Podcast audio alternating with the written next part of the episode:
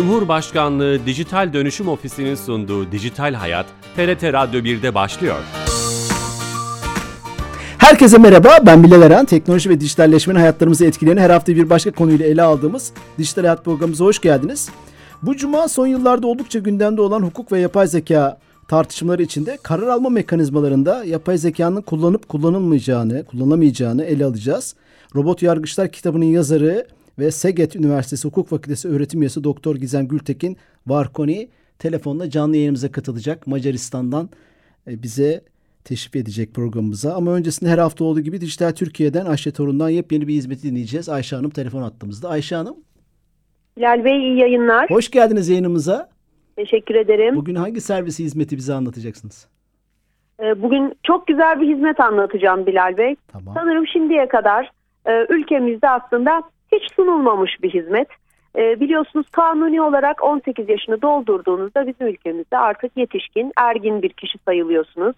Devletin size sağladığı e, 18 yaş altında iken ücretsiz aldığınız bütün hizmetleri e, artık o saatten sonra yetişkinler gibi ücretle almaya başlıyorsunuz. İşte bunların içerisinde e, malum tiyatro biletleriniz e, ya da buna benzer bütün uygulamalarınız var aslında.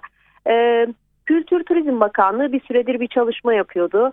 E, 18 yaşına girmiş gençlerimizin e, belki de gençlik dönemlerinin en e, çılgın zamanında hani onları e, topluma kazandırmak adına biraz daha onları bazı sosyal aktivitelere katmak adına neler yapılabileceğine dair ve bununla ilgili bugün itibariyle sizinle konuşmadan kısa bir süre önce açtık hizmeti. Yeni bir hizmet devreye aldık.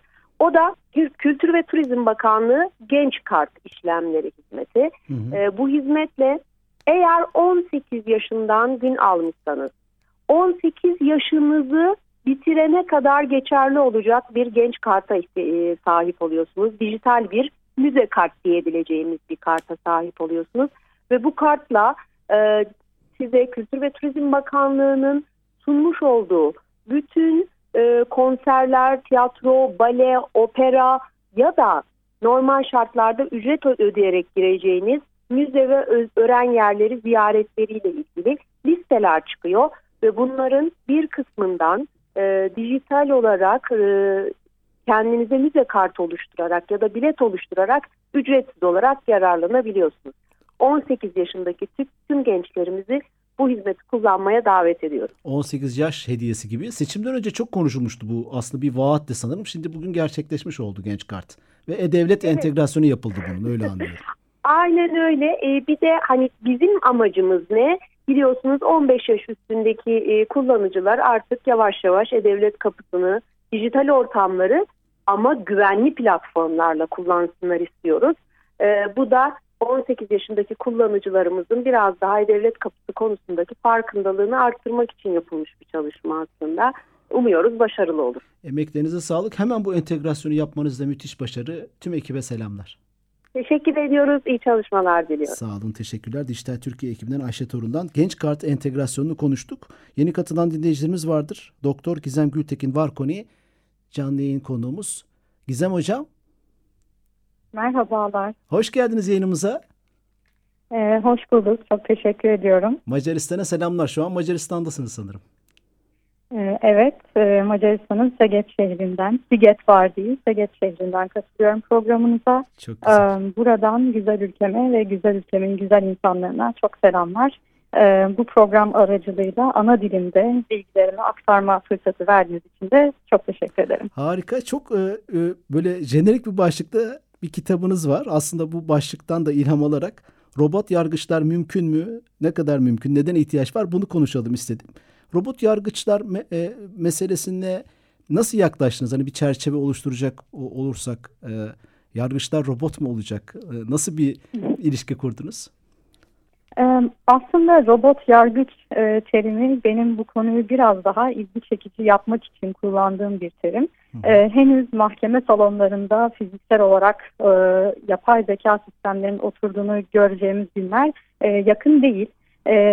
Robot yargıcın ne olduğunu size tam olarak tanımlayamam ama e, fonksiyonel açıdan hangi alanlarda e, kullanıldığını e, söyleyebilirim ve bu e, alanlarda kullanımı sebebiyle ne olduğunu biraz anlayabiliriz diye düşünüyorum. Lütfen. E, robot yargıçlar e, avukatların, e, yargıçların e, dava öncesi veya sonrasında araştırmalarının yapılması, e, idari mahkemelerdeki idari işlemlerin e, otomatik e, hale getirilmesi, e, ceza adaletinde araştırma, soruşturma, e, cezai işlemlerin e, kararında veya karar destek e, sistemleri olarak e, kullanılması ve e, son olarak da vatandaşlar için e, özellikle e, hukuk alanındaki softbotların kullanımıyla e, bizlere öngörü e, yeteneğiyle rehberlik eden araçlar. Dediğim gibi karar vermek için destek veren sistemler e, uyuşmazlık veya ara buluculuk gerektiren davalarda veya basit davalarda kendilerine e, danışabileceğimiz sistemler. E, bazı tam otomatik e, sistemler de var. Bunun dünyada örnekleri de var. Çevirim içi mahkemeler gibi. Ama Covid dolayısıyla zaten biz aslında hemen hemen bu sistemlerin birkaçını e, mecburi de olsa kullandık. E, bu kullanımın sonunda da sanırım e, dijital hayatın e, kendi e, hayatımızı ne kadar e, kolaylaştırdığını gördüğümüzü düşünüyorum. Hı hı. Burada kritik bir şey kullanıyorsunuz bir kelime. Karar destek yani karara destek e, süreçlerinde kullanılıyor veya kullanılacak. Direkt karar alma süreçleri için erken mi yoksa hiç kullanılamaz mı diyorsunuz? Bunun için bu tür sistemlerin ne kadar faydalı veya ne kadar riskli olduğunu değerlendirmek gerekiyor. Bu zamana kadar gösteren, kullanılan tecrübeler sonucunda şunu söyleyebilirim ki tüm karar mekanizmasını özellikle yargı gibi hassas bir alanda veya ceza adaleti gibi hassas bir alanda yapay zekaya bırakmak mümkün değil. Hem teknik olarak mümkün değil hem de etik olarak mümkün değil e, tamamen yargıçlara, avukatlara ve e, hukuk konusunda yardım e, arayan vatandaşların karar destek sürecinde onlara yardımcı olan e, milyarlarca veriyi dakikalar veya saniyeler içerisinde işleyip onlara bir öngörüde bulan bir e, sistem olarak e, görebiliriz. Bir bilir kişi gibi belki de.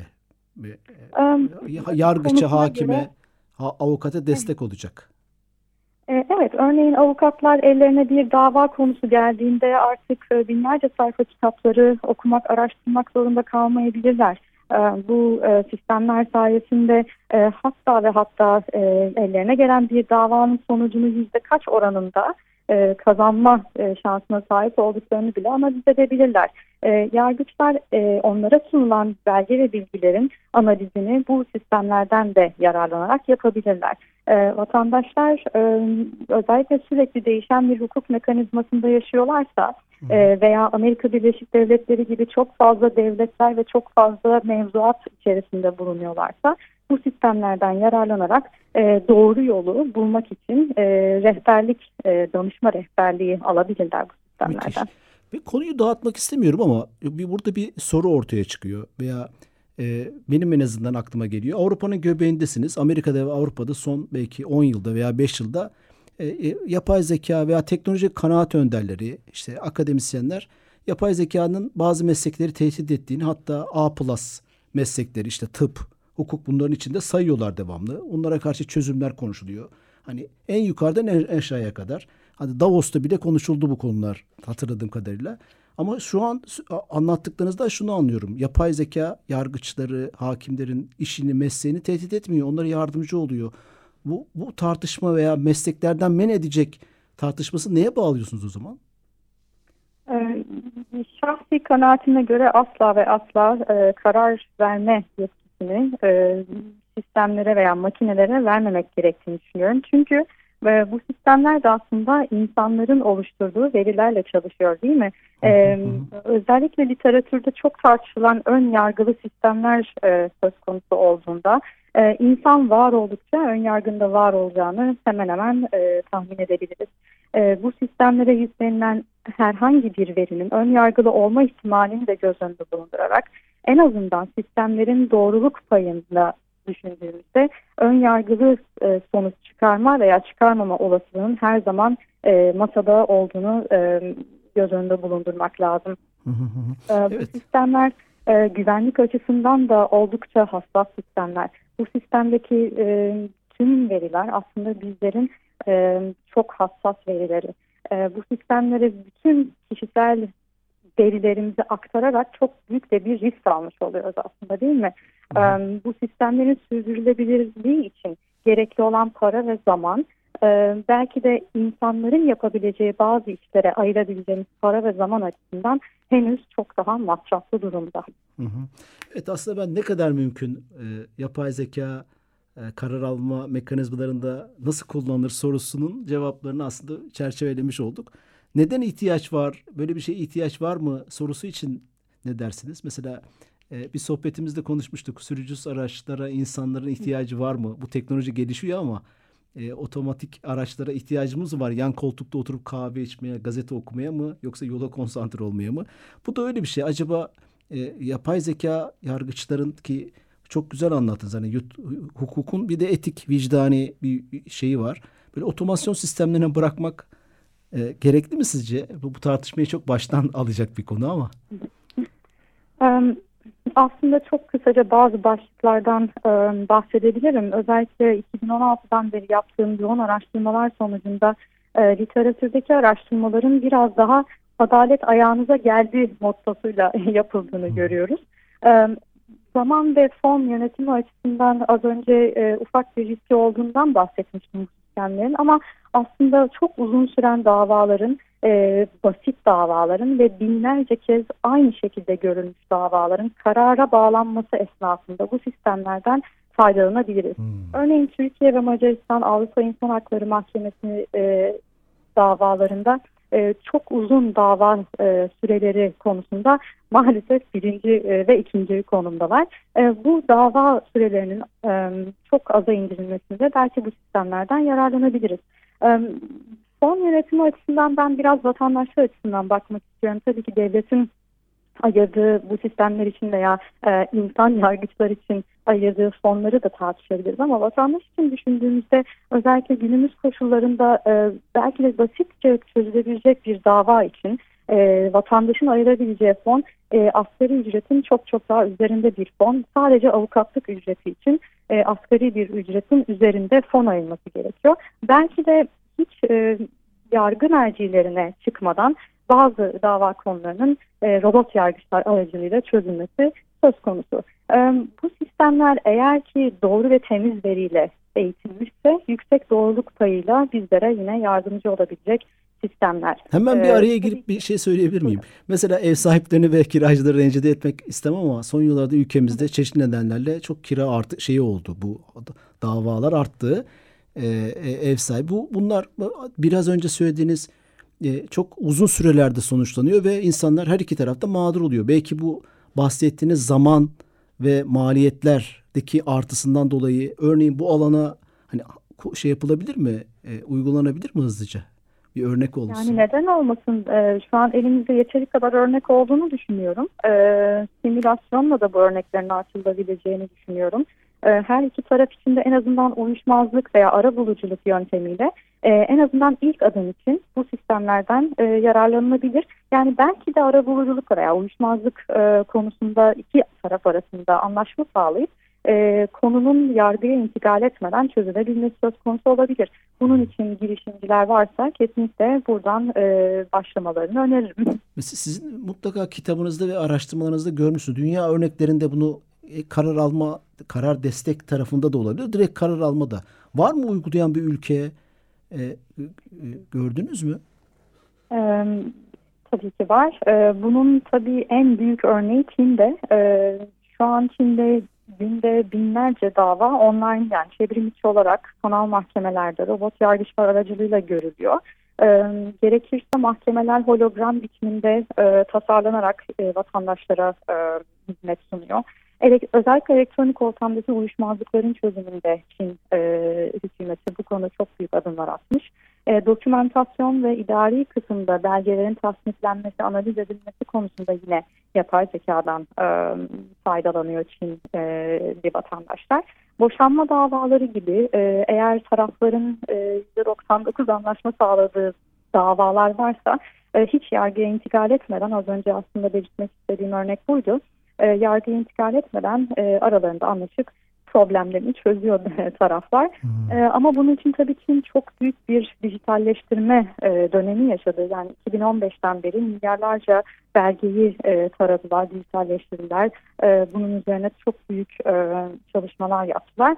E, yalnız Çin örneği bizim için e, çok da güzel bir örnek değil. Çünkü her ne kadar e, yargı sisteminde bu e, robot yargıçlardan faydalanıyor olsalar da ceza adaletinde de maalesef profillemeye gidecek kadar e, olumsuz bazı örnekleri de görüyoruz. Özellikle Uygur Türklerinin e, otomatik kameralar aracılığıyla tespit edilip e, gerekli bazı temel sosyal yardımlardan e, men edilmesine kadar e, bazı olumsuz örneklerini de görüyoruz. Bu, bu, bu örneğiniz çok önemliydi. Anlaşmalı boşanmalarda Çin şu an Çin yargı sistemi otomasyon sistemini yani yapay zeka sistemlerini kullanıyor. Bunu gördünüz. Evet. Evet, e, bunların videoları da vardı hatta e, kitabımı yazarken hatırlıyorum şimdi. E, Çince yazsa da e, biraz çeviri yeteneğimle daha doğrusu sistemler sayesinde hı hı. çeviri yaparak biraz e, anlamaya çalıştım. E, hologramlar biçiminde dediğim gibi işte yargıçlar, davalı taraf, davacı taraf ve avukatlar e, mahkeme salonunda ki bu tamamen elektronik hazır bulunuyor. E, yani aslında sadece söyledikleri taahhüt vermek evet anlaştık yaptık e, şunu talep ediyoruz deyip aslında kararı ve sonuca bağlanmış bir e, davayı orada tekrar e, kurup e, kapatıyorlar. Çok Müthiş. yani 3-5 dakikalık bir e, vakitlerini alıyor insanların. Müthiş. Bu dediğiniz biraz önce söylediğiniz hem zaman hem de maliyetlerden tasarruf etmiş oldu o zaman bu yargı sistemi. Evet. En azından bu davalarda. Başka örnekler var mı? Çok heyecan verici aslında. Amerika'da yine birkaç örnek var. Burada özel bir şirketin geliştirdiği Do Not Pay diye bir softbot var. bu bir hukuk softbotu. Vatandaşlar için tamamen tasarlanmış. Özellikle içtihatla gelişen Anglo-Sakson hukuk sistemindeki ülkeler gibi ki Amerika bunun içerisinde bu tarz sistemleri tasarlayabilmek çok kolay. Çünkü birbiri üzerine öğrenen sistemler az önce farklı devletlerin farklı e, uygulamaları var demiştim e, Federal Amerika'da. örneğin ehliyet alabilmek için her devletin farklı prosedürü var. bu softbot'tan vatandaşlar bir rehberlik talep edebiliyor. İşte şu an şu devletteyim, ehliyet almak için ne yapmam gerek, bana yol göster. bu tabii tam bir robot yargıç kavramına girmiyor ama özellikle devlet organlarıyla bir ihtilafa düşmüş vatandaşlar örneğin park cezası yemiş belediyetten e, ve bu cezanın doğru olduğunu düşünmüyor. Bu sohbet aracılığıyla nasıl bir strateji izlemesi gerektiğini sohbetin yardımıyla e, çözebiliyor. Bunun gibi e, yani bu en büyük örneği aslında Amerika'da işte uçak firmasından alacağı var diyelim e, müşterinin yolcunun ve uçak firması tamamen bunu reddediyor e, tekrar vatandaş bu sohbet aracılığıyla nasıl bir strateji izlemesi gerektiğini ne yaparsa bu davayı kazanabilir sorusuna aslında cevap arayarak bu sistemlerden faydalanıyor. E, İsviçre'de ceza adaleti e, de çok fazla kullanıldığını görüyoruz e, robot yargıçların. Polislerin daha çok örneğin kolluk kuvvetlerini yerine getirirken akıllı ceza adaleti diye adlandırdıkları bir sistemden e, yararlandığını görüyoruz. Yani bunun için işte belli bir yerde, belli bir zamanda e, suç öngörülerinin yapılması, kişilerin e, yüzde kaç oranında suçlu olup ona olmama e, yüzdelerinin e, hesaplanması gibi konularda e, yine bu ceza adaletinde kullanılan robot yargıçlar e, grubuna düşüyor.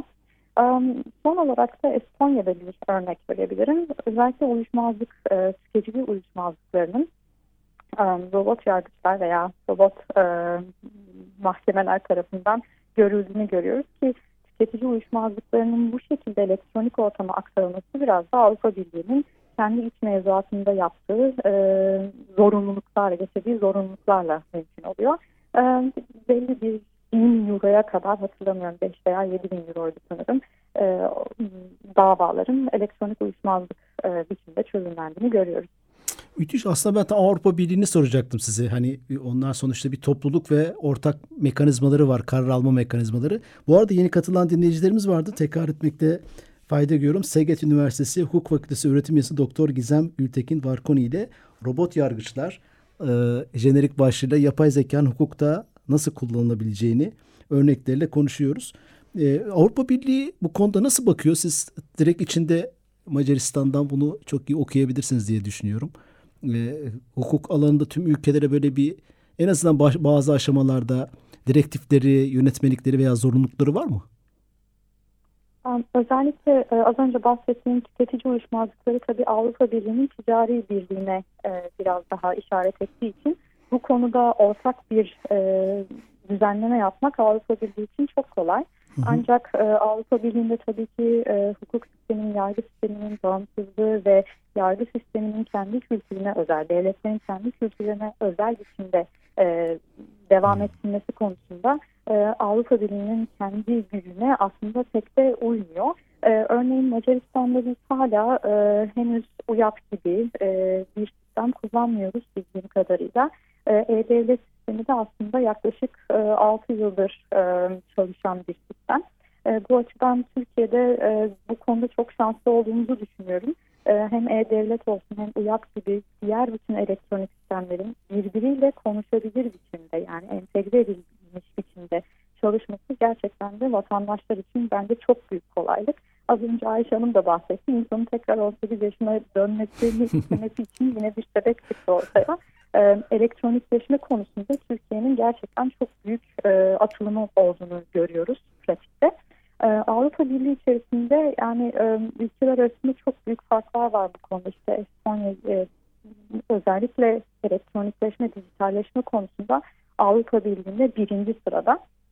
Ama aynı konuyu e, başka ülkeler için söyleyemiyoruz. E, hı hı. Tabii ki bu konuda Avrupa biraz daha e, statiko biçiminde e, yaklaşıyor bu konulara. E, çok fazla rapor var, çok daha fazla e, çalışma var bu konuda. İşte riskleri nedir, olumlu yanları nedir e, biçiminde ve son e, olarak eklemek istediğim Avrupa Birliği'nin yapay zeka e, tüzüğü şu anda e, artık yargıdan e, şu anda geçmiş durumda Avrupa Birliği karar vericileri tarafından. E, bu e, mevzuata dayanarak aslında bu sistemlerin e, yasal kısmının biraz daha düşündürücü olduğunu e, söyleyebiliriz. Yani sonuç olarak bu sistemler bireyler hakkında belki de onların hak ve özgürlüklerini kısıtlayacak biçimde kararlar verecek. Onların çok hassas bilgilerini işleyecek ve o bilgileri de bir yerlerde depolayacak. Bu açıdan baktığımızda yapay zeka tüzüğünün sistemlerin önünü biraz daha açma konusunda e, geciktirici bir önlem olduğunu söyleyebilirim. Aslında ben tam onu soracaktım. Son iki buçuk dakikamız kaldı. iki dakikamız hatta. Riskler ve engeller neler diye oraya kapı açmış oldunuz. Belki basit başlamak lazım. Anlaşmalı boşanma davaları veya kiracı ev sahibi gibi zorluklardan değil de kolaylıklardan başlamak lazım. Riskler ve engeller neler? Başta yine bahsettiğim bir şey hani Türkçe dilinden bahsettim o zaman oradan gideyim diye düşünüyorum. Aslında şu anda e, Türkçe olarak belki e, hukuk sisteminde kullanabileceğimiz çok büyük modelleri geliştirme açısından avantajlı değiliz. Çünkü açık e, erişilebilir e, modelleri besleyebilmek için ihtiyaç duyduğumuz eğitim verileri e, Türkçe'de olsa modellerin oluşturulması maalesef başka dillerde oluşuyor. E, yani Çin gibi çok büyük bir dijitalleşme ve elektronikleşmeden bizimle geçmemiz gerek. Bu eğitim verilerinin Türkçeleştirilerek tek tek belki e, kontrol edilmesi gerek. Temiz verinin e, bu anlamda e, oluşturulması gerek. Sistemlerin daha önce bahsettiğim üzere sürdürülebilir ve güvenliğinin sağlanması gerek. Bunları yapmak da zaman ve yine fon yönetim açısından çok da aslında maliyetli olacak gibi görünüyor. Bu sistemlerin erişilebilir olduğunu söyleyebiliriz. Aslında herkesin erişimine açık olacak değil mi? 7-24 e, elimizin altında olacak adalet. Ama e, Covid dönemi bize gösterdiği üzere herkesin her zaman her yerde internet erişimine e, sahip olmadığını gördük veya internet bağlantılarının e, sürekli olmadığını gördük. E, son olarak da aslında güven konusuna gelmek istiyorum bu sistemlere hala yüzdeyiz güvenmiyoruz. Her ne kadar araştırmalar e, özellikle insansız tasarlanmış e, sistemlere e, bizlerin daha çok güvendiğini gösterse de e, bu sistemler hala insanlarla özellikle e, yargı alanında e, çok da fazla değiştirilmek istenen sistemler değil. E, hala insanlar insan bir yargıçta e, konuşup insan bir yargıçta davalarını sürdürmek istiyorlar. Sistemler mükemmel değil. E, bu yüzden e, sistemleri kullanırken güven konusunda aşırıya kaçmamak gerektiğini düşünüyorum. Evet adalet için güven olmazsa olmaz. Her şey bozulabilir ama adalet bozulmamalı. Ee, Sayın Hocam süremizin sonuna geldik. Çok, teşekkür, ediyorum katıldığınız için Macaristan'da e, Macaristan'dan bize katıldınız. E, Robot Yargıçlar kitabının da yazarı olarak çok teşekkür ediyoruz. Şeref verdiniz. Ben de çok teşekkür ediyorum. Çok e, keyifliydi. E, tekrar görüşmek üzere. Sa sağ olun. Bekleriz. sağ olun, sağ olun. Evet, e, Doktor Gizem Gültekin Varkoni ile Seget Üniversitesi Hukuk Fakültesi, Hukuk Fakültesi öğretim üyesi. E, yapay zekanın hukukta özellikle karar verme mekanizmaları nasıl kullanılabileceğini konuştuk. Hafta yeni bir konu ve konukla beraber olacağız. İyi hafta sonları. Hoşçakalın.